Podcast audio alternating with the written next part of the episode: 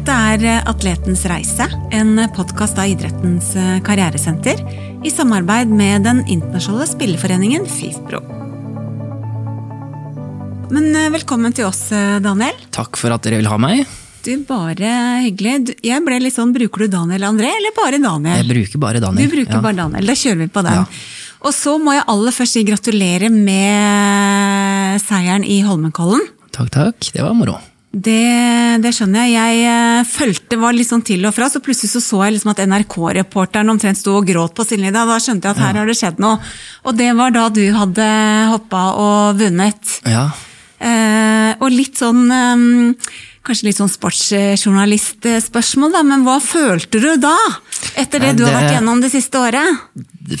For min del da så ble det på en måte Det blir, blir så mye følelser at det blir bare tomhet, på en måte, da. Ja. Eh, tror jeg er vanskelig å ha kapasitet nok til å kunne føle på så store mengder med følelser, men eh, det gikk ikke veldig lang tid før jeg følte meg egentlig bare helt tom, og det var lite energi og lite, lite av alt, egentlig. Ja. Og du, vi, vi må jo snakke litt om eh, den eh, ulykken i, i fjor. Det var i mars i fjor, var det ikke det? I Planica. 25. mars. 25. mars. Mhm. Kan ikke du fortelle litt om hva som skjedde da? Nei, Jeg husker jo absolutt ingenting, da. Det, jeg husker jo ikke jeg reiste til Slovenia engang. Eh, Men eh, det ja, gikk jo feil litt opp, da. Eh, Jeg føler ikke Jeg har sett på video mange ganger i ettertid, og jeg kan ikke finne noe på en måte teknisk med, teknisk med hoppet som skulle tilsi at det skulle gå som det gikk. Men jeg gikk jo ofte på trynet der, og var vel uten puls i tre til fem minutter, anslår dem. Og så fikk de eh, pumpa i gang hjertet der med hjertestarter og fikk litt kontroll på situasjonen. Så eh, fløy jeg ble flydd med helikopter til Ljubljana og lagt i kunstig koma. Så jeg lå i koma i ja, fire dager før jeg våkna på mandagen igjen. da. Hva tenkte du da, når du våkna da? Vet du, Det husker jeg ingenting fra. Det er kanskje et litt dumt Det, det var så, men- var så neddopa at det er veldig lite fra den første dagen jeg husker. Eh, Noe av det første jeg husker, var at eh, min mor og min daværende kjæreste var på besøk. Eh, Så det, det er det første jeg husker, da. Hvordan har den veien tilbake vært da, etter en så dramatisk ulykke? Jeg- Når jeg lå på sykehuset der, så så jeg for meg at det her eh, kom til å gå veldig fort. Eh, Så jeg allerede dagen etter at jeg våkna fra koma, ringte, ringte han jeg pleier å trene med når jeg har vært skada og alt det der. Han var jo fysioterapeut på laget vårt før, Lars Haugad. Eh, Ringte han dagen etter at jeg våkna fra koma lurte på om han var klar for å begynne å trene når jeg kom hjem til Norge igjen. Tenkte jo ikke på, tenkte jo ikke på det at jeg måtte operere litt og ligge et par uker til på sykehus før jeg kunne bare dra hjem. Så jeg hadde jo sett for meg at det skulle gå mye fortere, men eh, skjønte jo ganske fort etter, etter at eh, mer av eh, disse dopmidlene begynte å skylle litt ut av kroppen, og kjente litt mer på kroppen eh, hva som faktisk hadde skjedd, at det kommer nok til å ta litt lengre tid. Eh, men det var på en måte aldri et spørsmål for meg om jeg skulle fortsette eller ikke. Det, Nei. Ikke sant? det var det ikke. Så det er kanskje det man kaller en sånn skikkelig toppidrettsstjerne. Det var liksom ikke noe stress rundt, eh, eller noe tanker rundt hva som hadde skjedd, men liksom fokus på å komme tilbake. Ja, Litt sånn enkelt sagt, kanskje, men eh, Absolutt. mm, absolutt. mm. Og så det, hjelper det jo selvfølgelig på at jeg ikke husker noe. Det, det Ja. gjør det jo. Eh, Det hadde jo sikkert vært enda vanskeligere å skulle sett ut for en hoppbakke igjen om jeg hadde huska hvert sekund av det fallet, på en måte. Men du, en ting er på en måte, du sier sant, at du måtte operere, og det har vært en lang vei tilbake for å, alt det fysiske å få det på plass igjen. Men det mentale, hva, hva har du gjort for å håndtere det mentale? Etter å ha vært igjennom noe sånt, selv om du ikke husker så mye av selve hendelsen? Nei, selvfølgelig. Jeg, jeg føler jo at jeg begynte allerede på sykehuset i Slovenia med å søke opp fallet for å se hva som hadde skjedd, og se om det var eh, kun min feil, eller om det var andre, andre ting som hadde vært med på å påføre at eh, det gikk som det gikk. Da. Eh, Så jeg føler at jeg allerede der begynner å uh, bruke litt av det vi kaller for eksponeringsterapi. Eh, så det, det fikk jeg høre også fra Jeg gikk, hadde en time med en psykolog som jeg prata med tidligere, uh, hvor han sa at det hørtes veldig bra ut at jeg hadde gjort det, og følte egentlig at eh, i det tidspunktet vi prata sammen, at eh, jeg hadde egentlig mer eller mindre stålkontroll på, på det jeg skulle gjøre for å komme tilbake, så han mente at det, ikke nødvendigvis trengte å kaste bort mer tid på flere timer. Mm. så selvfølgelig, jeg har jo vært gjennom mange, mange ikke, ja, småskader og eh, litt større sykdomsperioder som har gjort at jeg har blitt ganske god til å, til å komme tilbake fra sånne situasjoner. Så det, det, hjelper jo selvfølgelig på det. Så det er jo, jeg har mye trening på det, og da blir det litt lettere denne gangen også.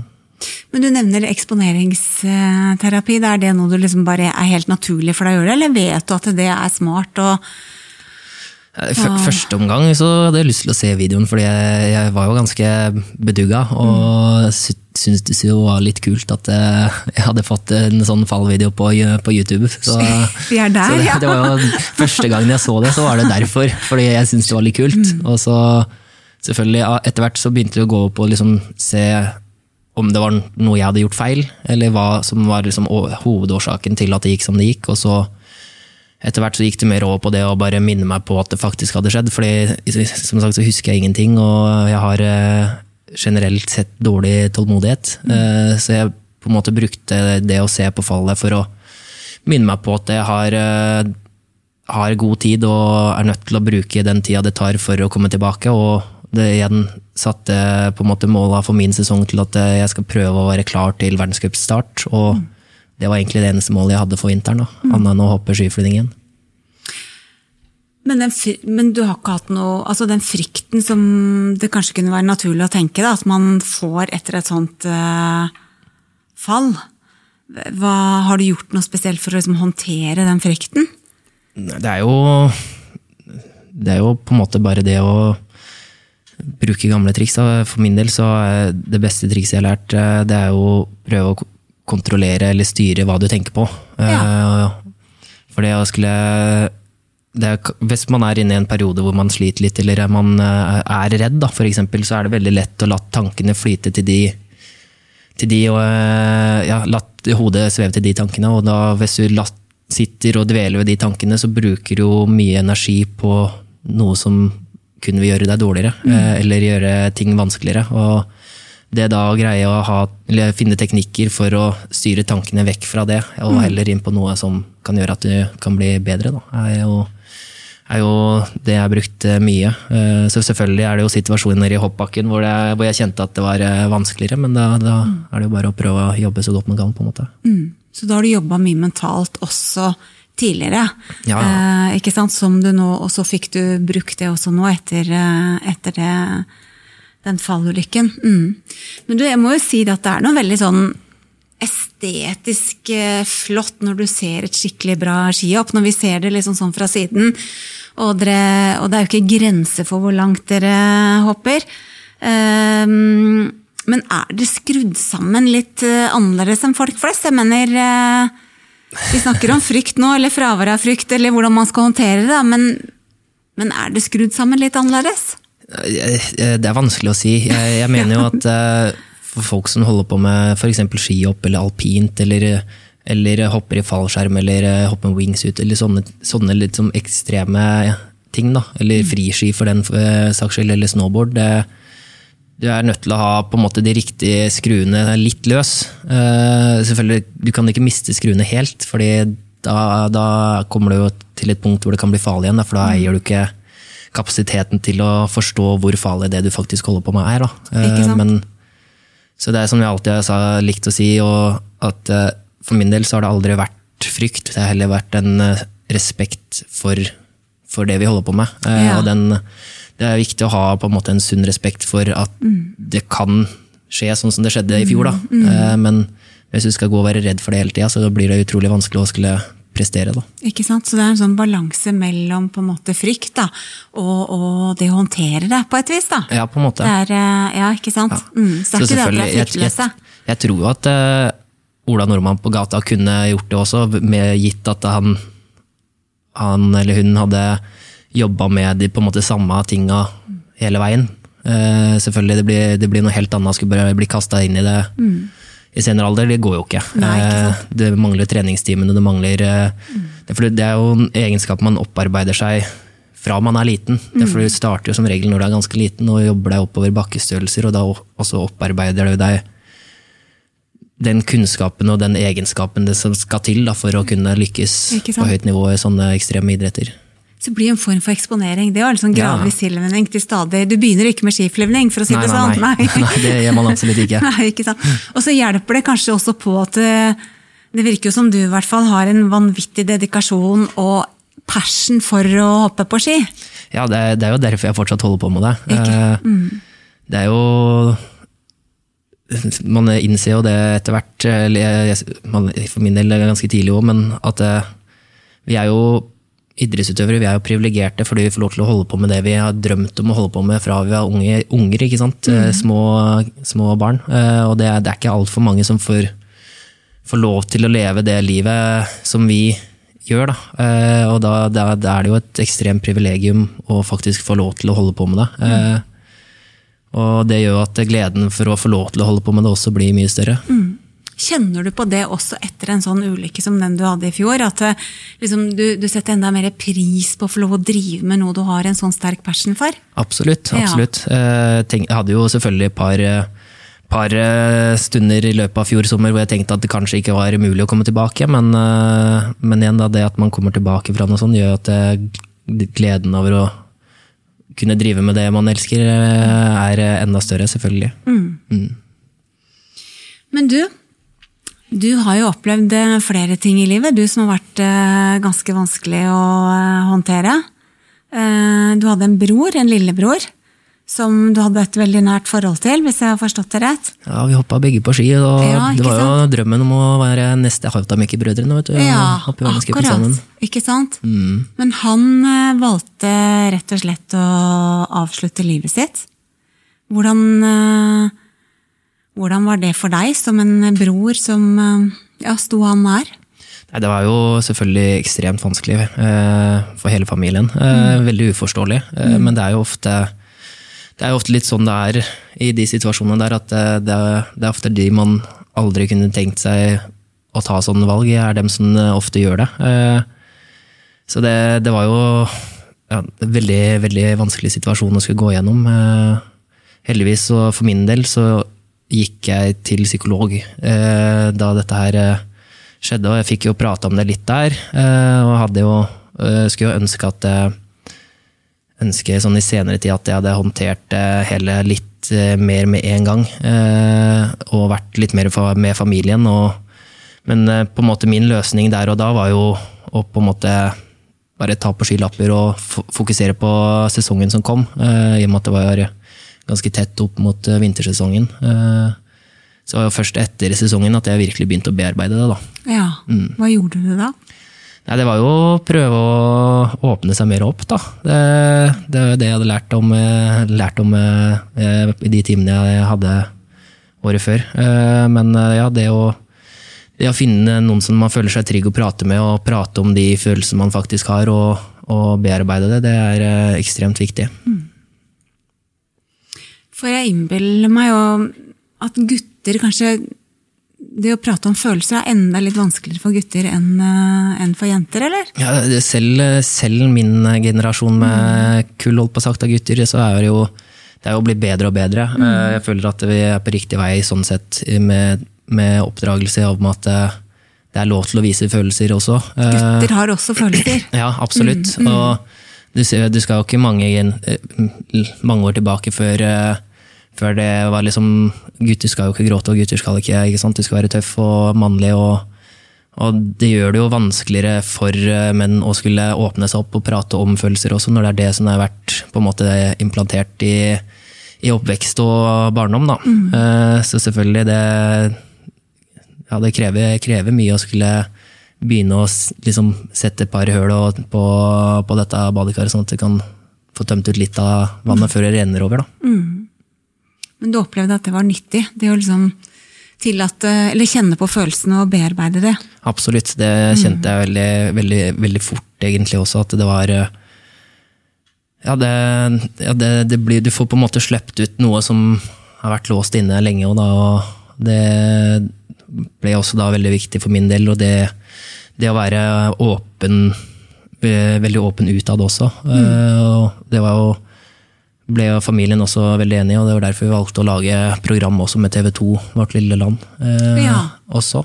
Eh, Så det, det syns jeg ble veldig bra, eh, i og med at eh, selvmord har jo vært et tema i veldig mange år som er veldig tabubelagt, og det er vanskelig for folk å prate om fordi det nettopp har vært, vært eh, tabubelagt. og det, det blir veldig feil, i hvert fall når du ser på, ser på antall selvmordstall som er i, i dette landet og verden rundt, egentlig. Det er jo utrolig flott å høre at du, Daniel, også som et forbilde og en skihopper, og at du eh, snakker om dette her og, setter ord på det. For det er jo, som du sier, det er jo litt sånn tabubelagt, og for mange er det jo også utrolig vanskelig å snakke om det, fordi det er nettopp fordi det er så vanskelig. ikke sant? Men har du tenkt, reflektert noe rundt det å være en, jeg, en rollemodell, da? Eh, og, og faktisk åpne opp og snakke om det? Så, selvfølgelig, man, Det er jo noe man tenker på av og til eh, som, eh, som idrettsutøver. At man har lyst til å, å framstå på en positiv måte. Eh, For min del så innebærer det egentlig at jeg kun til enhver tid prøver å være meg selv mest mulig. eh, Og ikke spille en eh, rollefigur. Eh, Derfor det, det igjen er noe som er veldig lett å gjøre da, eh, i sånne situasjoner. At man skal eh, te seg eller eh, oppføre seg på en gitt måte fordi man er en, eh, er en idrettsutøver eller en profile- profilert person. Da. Men jeg føler at for min del så er det viktigst å bare være meg selv fullt ut. Og enten så får folk like det, eller så får folk eh, like det. Og det eh, liker jeg, da.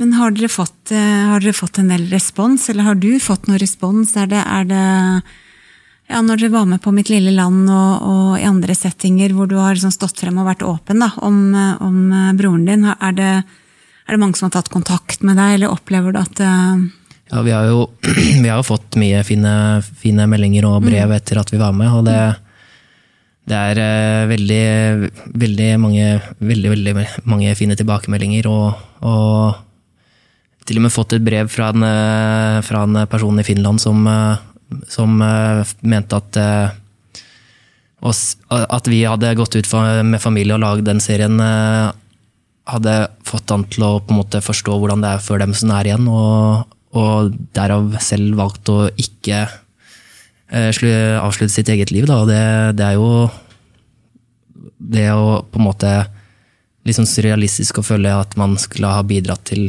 til et sånt utfall, det, men det er jo selvfølgelig utrolig godt å høre om i ettertid. redde liv, rett og slett? Mm. Ja, men det er jo nettopp det man bidrar til, da, når man er åpen om et så eh, viktig tema. Mm. Men du, når vi eh, snakka sammen her litt tidligere, så, så fortalte du også at du hadde slitt litt med eget selvbilde.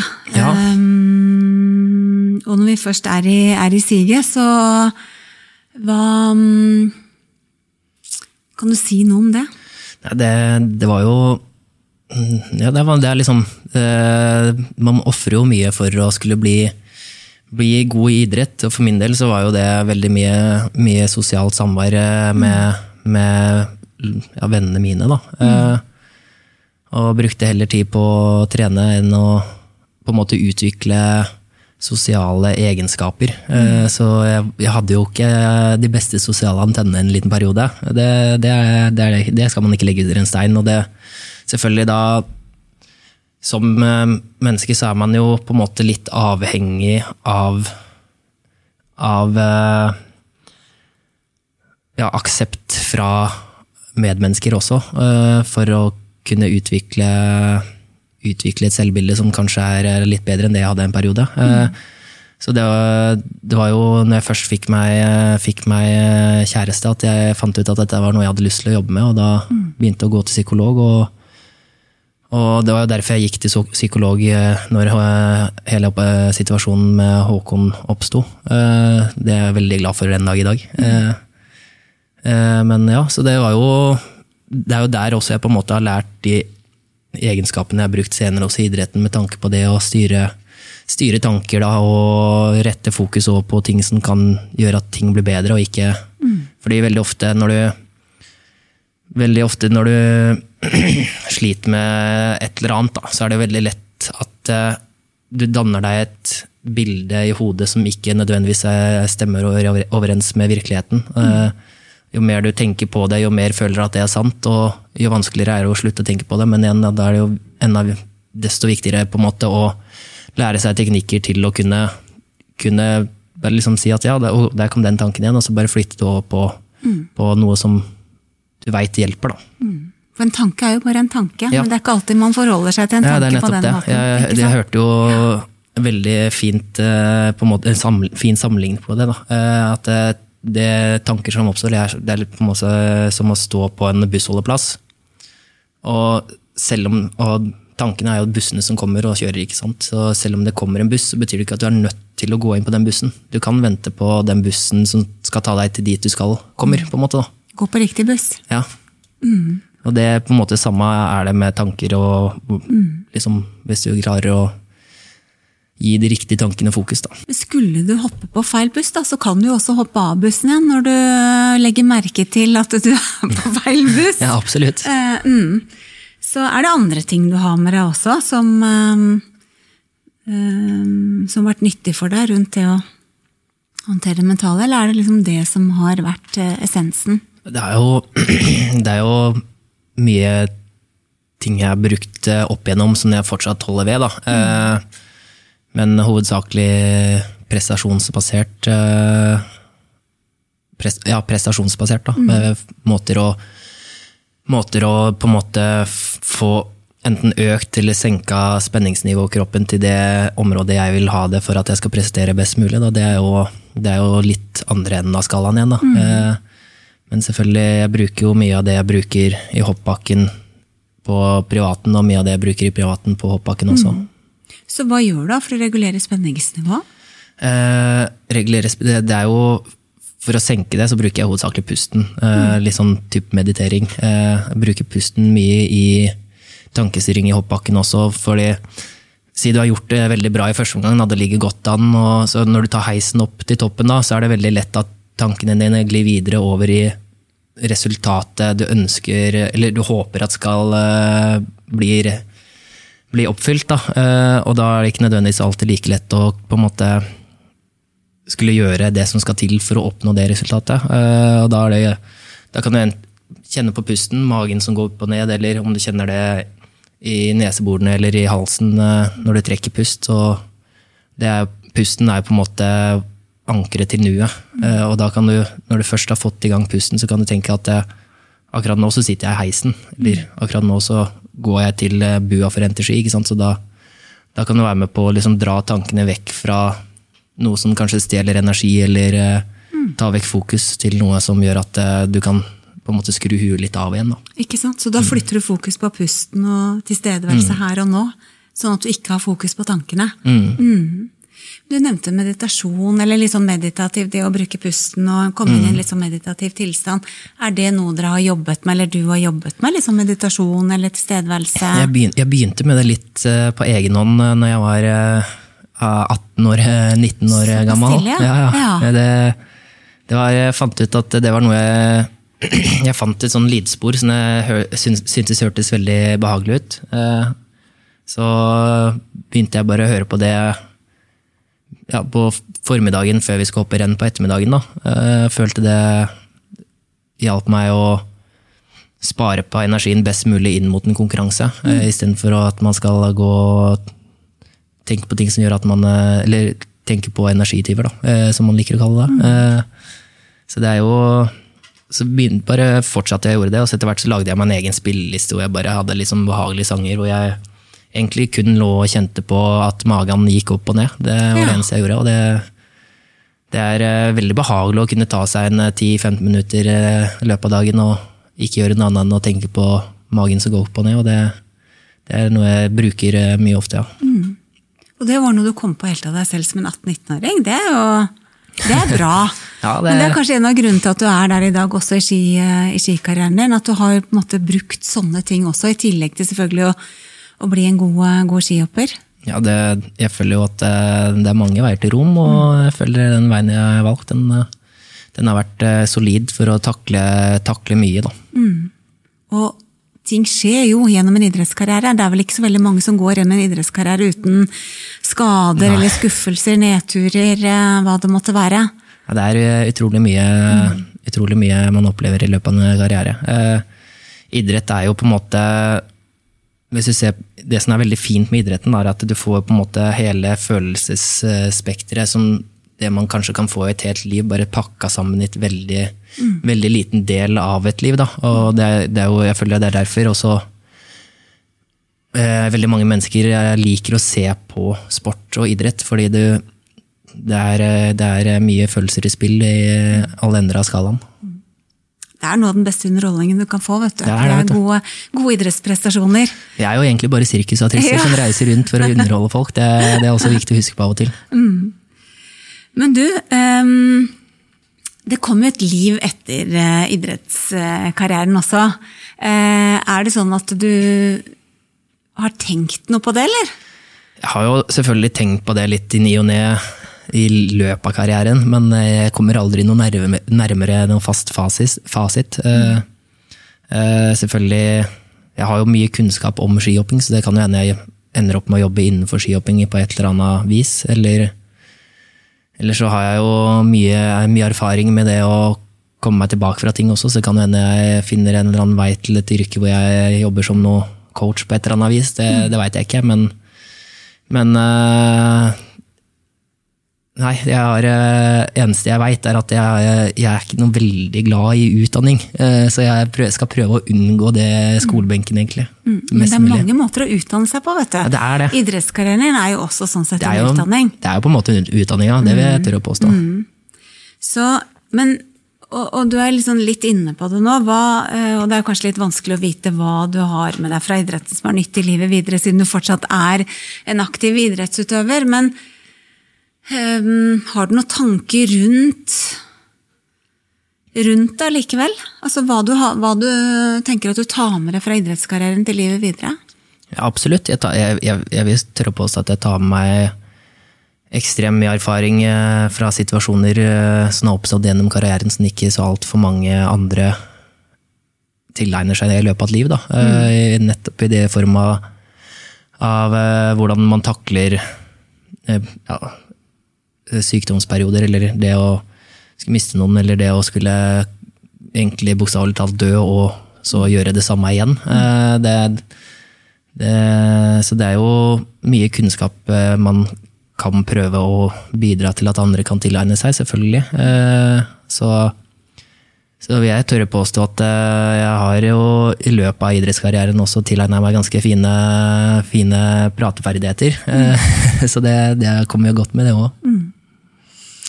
Og det mindsettet ditt det er jo gull verdt. Altså når du forteller at uh, når du liksom våkner etter å ligge i kunstig koma, så det første du tenker på er liksom hvordan du skal komme deg tilbake i hoppbakken. Altså, uh, det, det, mindsettet tror jeg mange kunne hatt nytte av å få en liten dæsj av. Ja da. Uh, mm. Så, men du har ikke noe Du, du er for så vidt litt inne på det nå, da, men du har liksom ikke noe sånn drømmescenario? Eller du, du har ikke liksom tenkt for deg hvordan du virkelig kunne tenke deg at livet blei videre etter Jeg har jo ett, et drømmescenario. Ja, du har det. det har jeg. Ja.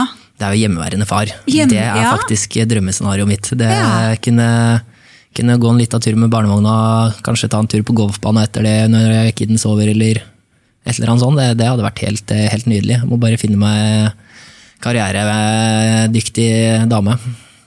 Det, vet du hva, det å være en god far, det hjemmeværende far, det, det er um, absolutt behov for det. Altså, så, så det, det, skal man ikke kimse av. Uh, har du noen i sikte, eller? På Nei, det er ikke helt ennå. Dessverre. Dessverre. um, mm. Har dere fokus på dette her i, eh, i hoppmiljøet? Det livet som kommer etter den aktive karrieren? Det, kom, det kommer jo helt litt an på hvem du prater med på laget. Eh, ja. selvfølgelig Det er jo noen som studerer, og noen som er eh, eh, Men igjen noen som er veldig unge, ikke sånn akkurat har kommet inn på laget. Det er litt mindre sannsynlig at de nye kommerne på laget tenker så langt fram. Mm. Jeg er jo 28 nå og fortsatt ikke kommet helt fram til det bildet ennå med tankegang. så det men uh, selvfølgelig, det har jo litt av hvert på et lag, og noen er jo langt ute i studier, noen er ferdig med studier. Noen, uh, mm. Så det Men uh, generelt sett så blir det jo lite prat om det, i og med at de gangene vi er alle samla, så er det jo på samlinger eller mm. konkurranser, og da, det er på en måte der eh, fokuset må ligge. Da. Eh, Ja, hva man skal gjøre for å prestere best mulig den kommende sesongen, eller den, den helga man er i, eller. Ja, jeg ser den. Kanskje litt annerledes med de som er lagutøvere, for de er jo sammen hele tiden, i hvert fall med det laget de spiller på. Ja. Så da vil de jo være sammen liksom, ja, gjennom hele året. Ikke bare opp mot eh, oppkjøring til mesterskap eller, eh, eller Ja, i vi, sesong. vi trener jo vanligvis eh, i daglig trening, så er det jo vi som bor i Oslo, trener i Oslo, dem som bor i Lillehammer, trener i Lillehammer, dem i Trondheim trener i Trondheim. ikke sant? Så, så har vi jo flere samlinger i løpet av et år, men når vi ikke hopper, så det, bruker vi tida på litt andre ting for å, for å, for å ikke tenke skihopping enn nødvendigvis det å tenke på hva som kommer etter en eh, idrettskarriere. Eh, selvfølgelig, det er jo noe man er innom av, og til. Eh, men eh, som, det, som sagt så har ikke jeg kommet helt på hva jeg har lyst til å bli Nei, når jeg blir stor. Så ja, det vil si, da har blir det jo Du har noen tanker, da. Jeg har noen, du, men mm, selvfølgelig da blir det jo mindre, mindre prat om det fra, fra, fra, fra Mm. min side, i hvert fall. Da, I og med at jeg føler jeg har lite kontroll på, på hva jeg har lyst til. Men hva er det du gjør når du ikke hopper? Når jeg ikke hopper, eh, så spiller jeg en del golf. Og så spiller jeg en del eh, dataspill. Mm. Eh, Det er det det går i. Ja. Så prøver jeg å bruke mye tid med venner og familie. Du veit at du kan putte dataspill på CV-en nå? Det er liksom det Ja, nye. ja, det kan Så jo det. det er Så det kompetansebygging, bare få òg. dunka opp et kamera ved PC-en der, så kan jeg begynne å streame, for eksempel. Ikke sant? Ikke sant? Mm. Kanskje noen har lyst til å se på en uh, veldig dårlig spiller uh, spille litt videospill. Men golf, du har ikke tenkt å ta opp en uh, ny karriere og bli proff golfspiller når du Altså, jeg har jo hatt veldig mange fine drømmer i løpet av de to siste åra. eh, Hvor jeg drømmer at jeg har lagt opp med skihopping og begynt eh, å slå an i golfen, men det, det kommer jo aldri til å skje. Jeg kommer ikke til å få, få de treningstimene som skal til for å kunne være i nærheten av eh, å spille noe annet enn eh, klubbturneringer, nei. Det, det er jo veldig mye likt med golf og skihopping. Da. Det er jo derfor jeg syns det er såpass gøy, i og med at begge er veldig tekniske, og det er veld, ting skjer veldig fort. Eh, Det, det gjør det jo litt oftere på en golfbane enn det gjør i en hoppbakke. Det er bare tre hopp som regel om dagen i hoppbakken, men på en golfbane så skal du gjennom 18 hull, og da, igjen da, så er det jo det å på en måte skru av mellom slagene og ikke bruke energi på det. Og, ikke sant? Igjen da, så er det en fin treningsform for nettopp det å skulle prestere i hoppbakken igjen også. Da. Så det er veldig, veldig moro. er det, Men du, tilbake til det med å liksom forberede seg til livet som kommer etter den aktive karrieren. Er det noe fokus på det fra støtteapparatet? Ja, det er jo litt i støtteapparatet, det Ja, er det jo. ja. Eh, Som regel hvis jeg prater litt sånn, så kan, er, det jo, er det jo daglig treneren min jeg prater litt med Mm. om det. Eh, Men eh, igjen da, så jeg er veldig, veldig flink til å ikke tenke lenger enn den dagen vi er på. Mm. Kanskje litt for flink på det, Mm. men det, det blir jo Det kunne jo kunne selvfølgelig vært mer. Men det virker ikke som det stresser deg så veldig, eller? eller Nei da, nei da. Nei, det gjør Får det ikke gjort noe med det akkurat nå uansett. Så. Nei, ikke sant? Mm. Mm. Der, der igjen er det inn på det å bruke, ja, bruke energi på det du får gjort noe med, og ikke, ikke kaste bort energi på noe som ikke er mulig å oppnå akkurat her og nå. Da. Du, Kan ikke vi hoppe litt tilbake til det med selvbildet, Daniel? Eh, For det var faktisk en ting jeg glemte å spørre deg om. Som en idrettsutøver så skal man jo prestere, det er jo det det handler om. Ja. Eh, Er det også veldig lett da å knytte selvbildet og liksom egenverdien opp til det å prestere?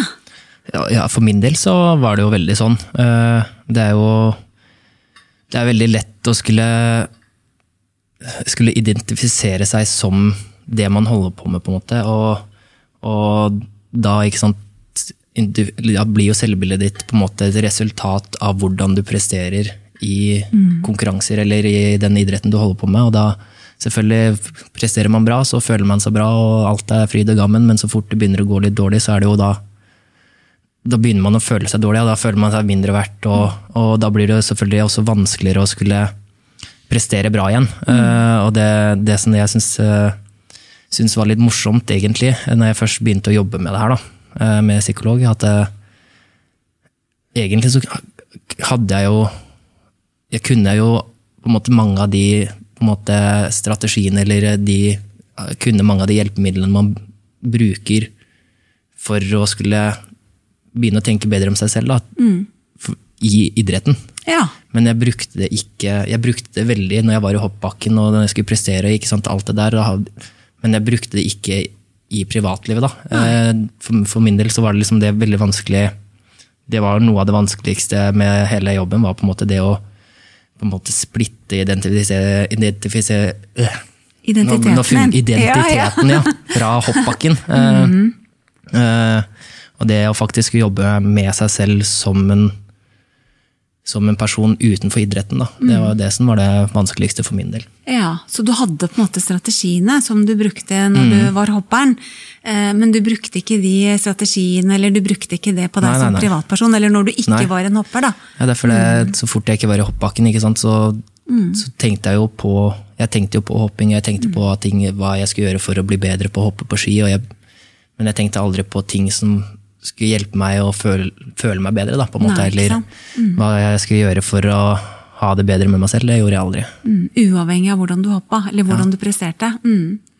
Men det er jo um, Du vet at det er jo også veldig, en, en, nyttig ting i forhold til å takle overgangen til livet videre. Hvis vi mm. bare kan dra det litt inn der også. Ja, ja, for der har man jo sett at det å være, altså bare identifisere seg med å være utøveren ikke sant, mm. som presterer, det er en risikofaktor for å takle overgangen til en ny karriere. Absolutt. Så det at du på en måte har jobbet så mye med det, har en så stor bevissthet rundt at du har, du har en verdi utenom når du presterer eh, i hoppbakken, mm. det er jo også en eh, et nyttig verktøy å ha med seg. Begynner å bli godt eh, skikka til arbeidslivet? igjen. du gjør det, ikke sant? Både ikke sant? du har spilt dataspill, og du har masse erfaring med å komme tilbake fra skade, og komme tilbake ja, ja. fra den nesten den andre sida, holdt jeg på å si. Altså, vi skal ikke tulle med det, altså, for det er jo blodig alvor, men allikevel, du har mye Det er viktig med galgenhumor. Ja, det det. Vi, vi, får si det sånn. Mm.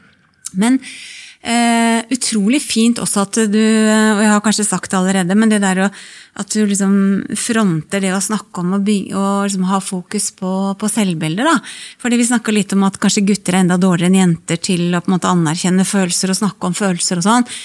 Og, og, det samme gjelder jo egentlig litt det med selvbildet. Uh, mm. vil du ikke si det? Jo da, absolutt. Mm. absolutt. Det er jo ikke det er ikke akkurat noe man prater om i en guttegjeng heller. Eh, så det er jo det er selvfølgelig noe man kan bli bedre på som, eh, som eh, vennegjenger også, og mm. bli mer åpne. Eh, det, men det er jo for, for, min del så det viktigste budskapet er uansett hvem den personen er, bare finn deg noen som du føler deg komfortabel med å prate med. Mm. Det, det, er det som er det viktige. Finne, du trenger ikke nødvendigvis ti personer å prate med, men så lenge du finner den ene personen som du føler deg trygg, på, trygg, nok på til å kunne være åpen med. Det er det, mm. det som er det viktigste. Mm. Du lurer på om vi skal la det bli siste ordet. For det der å på en måte ha noen man kan prate med, og prate om ting som er vanskelig, mm. det er eh, nyttige ord fra deg, Daniel, som jeg tror eh, mange der ute kan ha nytte av i hvert fall å bli påminnet. Ja da, man mm. trenger påminnelser hele tida, vet du. Ikke sant? Og så tenkte jeg at jeg hadde et lite tips eh, helt sånn på slutten her. For at det, som en tidligere dommer i Skal vi danse, ja. så har jeg erfaring med, med, med, med, skihoppere som er med der. Der var ja, jo blant annet Anders Jacobsen med. ikke sant? Det. Og hvis ikke han hadde måttet trekke seg pga. blindtarmoperasjon Da tror jeg han hadde vunnet, altså. Ja, altså. Han hadde i hvert fall gjort det utrolig bra, det var det ikke noe tvil om. Og det vi fant ut da, var at hoppere har jo veldig sterke ankler. Ja og veldig spenst i anklene. Og det er jo det samme som eh, det trenger også dansere. Så et hot tips fra meg, det er mulig at det ikke kan bli hele den fremtidige karrieren din, men si i hvert fall ja til å bli med på Skal vi danse, ja. om du blir spurt om det. det, det hadde vært moro. Dette er eh, Atletens reise, en podkast av Idrettens eh, karrieresenter i samarbeid med den internasjonale spilleforeningen FIFPro.